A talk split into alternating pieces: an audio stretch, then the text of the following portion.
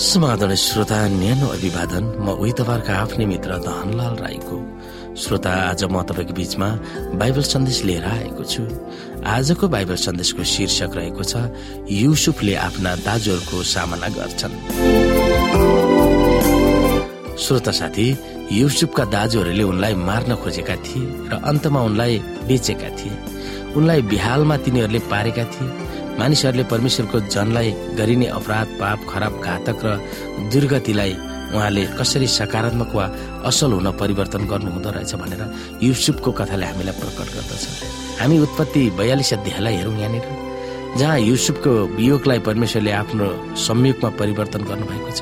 मिश्रमा अनाज छ भने थाहा पाएपछि याकुबले आफ्ना छोराहरूलाई भने तिमीहरू किन एकअर्काको मुखेर हेर गर्दै बस्छौ? मिश्रमा अनाज छरे भन्ने मैले सुनेको छु।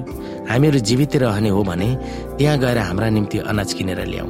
यसकारण यौसेफका दसजना दाजुहरू मिश्रमा अनाज किन्न गए। तर याकुबले यौसेफका भाइ बेन्यामिनलाई चाहिँ तिनका दाजुहरूसँग पठाएनन्। किनकि तिनलाई केही खतरा आइपर्ला भनी याकुब डराउँथे। यसरी अरू जानेहरूमा साथमा इसरायलका छोराहरू पनि अनाज किन्न गए। किनकि कनान देशमा पनि अनिकाल परेको थियो। त्यस बेला योसेफ मिश्रका अधिपति थिए। देशका सारा मानिसहरूलाई अनाज बेच्ने पनि तिनी नै थिए। यसकारण योसेफका दाजुहरूले आएर भुइँसम्म निहुरेर तिनलाई ठोगे हामीले अगाडिको भागमा हेरिसकेका छौँ यी कुराहरू। युसेफले आफ्ना दाजुहरूलाई देखेर चिनिहाले तर तिनीहरूले आफ्नो भाइ युसेफलाई चिन्न सकेन र उनीहरूलाई नचिनेको जस्तै गरी कडासँग उनीहरूलाई सोधे तिमीहरू कहाँबाट आएका हो? उनीहरूले भने कनान देशबाट अनाज किन्न आएका हो। योसेफले आफ्ना दाजुहरूलाई त चिने तर उनीहरूले भने तिनलाई चिनेनन्। तब योसेफले तिनीहरूका विषयमा आफूले देखेका सपना सम्झे र तिनले उनीहरूलाई भने तिमीहरू जाजुस हो। यस देशको कमजोरी थाहा गर्न तिमीहरू आएका हो। उनीहरूले योसेफलाई भने हे प्रभु त्यसो होइन। हामी तपाईँका दासहरू अनाज किन्न आएका हौ। हामी सबै एउटै मानिसका छोराहरू हामी सोझा मानिसहरू हौ। हामी हजुरका दासहरू हौ जाजुस होइन तिनले उनीहरूलाई भने होइन तिमीहरू यस देशको कमजोरी थाहा गर्नलाई नै आएका हौ। तब उनीहरूले भने हामी हजुरका दास बाह्रजना दाजुभाइहरू थियौँ। कनान देशका एउटै मानिसका छोराहरू हौ। कान्छो चाहिँ यस बेला हाम्रा बाबुको साथमा छ र एउटा चाहिँ अब छैन योसेफले उनीहरूलाई भने मैले भने जस्तै तिमीहरू जासुस नै रहेछौ। अब तिमीहरूको जाँच यसरी हुनेछ। फारूको जीवनको शपथ खाएर म भन्दछु। कि तिमीहरूको कान्छो भाइ नआएसम्म तिमीहरू यस ठाउँबाट जान पाउने छैन अन्त्यमा श्रोता योसेफले उनीहरूका धोक्राहरूमा अनाज भरिदिनु र उनीहरूका आफ्ना आफ्ना चाँदीका सिक्काहरू धोक्रेमै हालिदिनु र तिनीहरूको बाटोको निम्ति उनीहरूलाई सामल तुमल दिनु भनी हुकुम गरेका थिए। तिनीहरूका निम्ति त्यसै पनि गरियो। तब आफ्ना गदाहरूमा अनाज लादेर उनीहरू त्यहाँबाट हिँडे। बास बस्ने ठाउँमा उनीहरूमध्ये एकजनाले आफ्नो गधालाई दाना दिन धोक्रो फकाउँदा आफ्नो चाँदी धोक्रोको मुखैमा देखे। उनले आफ्ना दाजुभाइहरूलाई भने मेरो चाँदी त फर्काइदिएछन् क्यारे हेर। त्यो यहाँ मेरो धोक्रोको मुखैमा छ। यसमा उनीहरूको हंसले ठाउँ छोड्यो र उनीहरू थरथर कामदेर एकअर्कालाई हेराएर गर्दै भन्न लागे।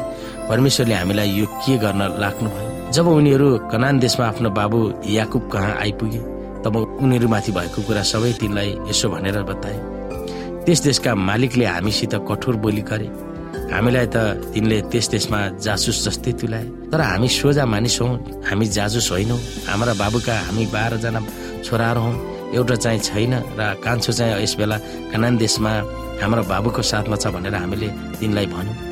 त्यस देशका ती मालिकले हामीलाई भने यस कुराबाट मात्र तिमीहरू सोझा मानिस रहेछौ भन्ने मलाई थाहा हुनेछ। कि तिमीहरूका दाजुभाइ मध्ये एकजना यहाँ मसँग छोड र अनिकालमा तिमीहरूका परिवारको भोग मानलाई अनाज लिएर आफ्नो बाटो लाग्यो। तर तिमीहरूको कान्छो भाइलाई यहाँ म कहाँ ल्याऊ तब मात्र तिमीहरू जाजुस होइनौ तर सिधा मानिस रहेछौ भन्ने मलाई थाहा हुनेछ। र म तिमीहरूको त्यस भाइलाई तिमीहरूका हातमा सुम्पने छु र तिमीहरू यस देशबाट लेनदेन गर्न पाओला। उनीहरूले आफ्नो धोक्राहरू खन्याउँदा उनीहरू हरेकका चाँदीको पोको आफ्नै आफ्नो धोक्रामा रहेछ। जब उनीहरूले र उनीहरूका बाबुले ती चाँदीका पोकाहरू देखे तब उनीहरू डराए। उनीहरूका बाबु याकुबले उनीहरूलाई भने तिमीहरूले त मेरा छोराहरू मबाट खोसेर मलाई अति शोखित ल्याएका थियो। युसेफ छैन सिमेन छैन अब बेन्यामिनलाई पनि लैजान खोज्छौ। यी सबै घटना मैमाथि पर्न आएको छ। अब रुबेनले आफ्ना बाबुलाई भने यदि मैले बेन्यामिनलाई तपाईँ कहाँ ल्याइन भने मेरा दुई छोराहरूको प्राण लिनुहोस्। बेन्यामिनलाई मेरो जिम्मामा दिनुहोस्। त्यसलाई म तपाईँ कहाँ फर्काएर ल्याउनेछु?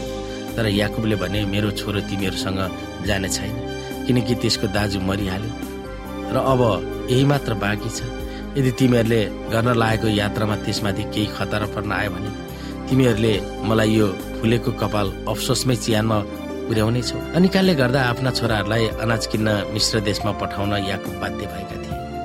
भोकै भए पनि उनका छोराहरूले मिश्र देशमा जाने कुरा उठाएनन् तर याकुबले नै कुरा उठाए। आफ्नो काबुभन्दा बाहिरको परिस्थितिमा होमिन पुगेको बिचरा वयोवृद्ध याकुबले नजानेरै मिश्र देशमा आफ्ना छोराहरूलाई पठाउने प्रस्ताव राख्छ। त्यस प्रस्तावले श्रृङ्खलाबद्ध रूपमा अचम्मको घटनातिर अग्रसर गराउँछ। जसको अन्त्य वर्षौंसम्म बिछोड भएको छोराको निम्ति शोकग्रस्त भइरहेको याकुबको युसुफसँगको पुनर्मिलनले उनलाई अत्यानन्द प्राप्त हुन्छ। परमेश्वरको कृपा मुनि घटेको युसुफ र उनका दाजुहरूको भेटघाटमा दुई मौलिक विषयवस्तुहरू उल्लेखनीय रूपमा प्रस्तुत गरिएको छ। पहिलो त युसुफको सपना पूरा भएको देखाएको छ। उनले देखेको भविष्यवाणी भएको सपना थियो। तिम्रो बालाहरूले तिम्रा बाललाई ढोगेका थिए। अब त्यो प्रत्यक्ष रूपमा पूरा भएको थियो जब उनका दाजुहरूले उनलाई ढोगे।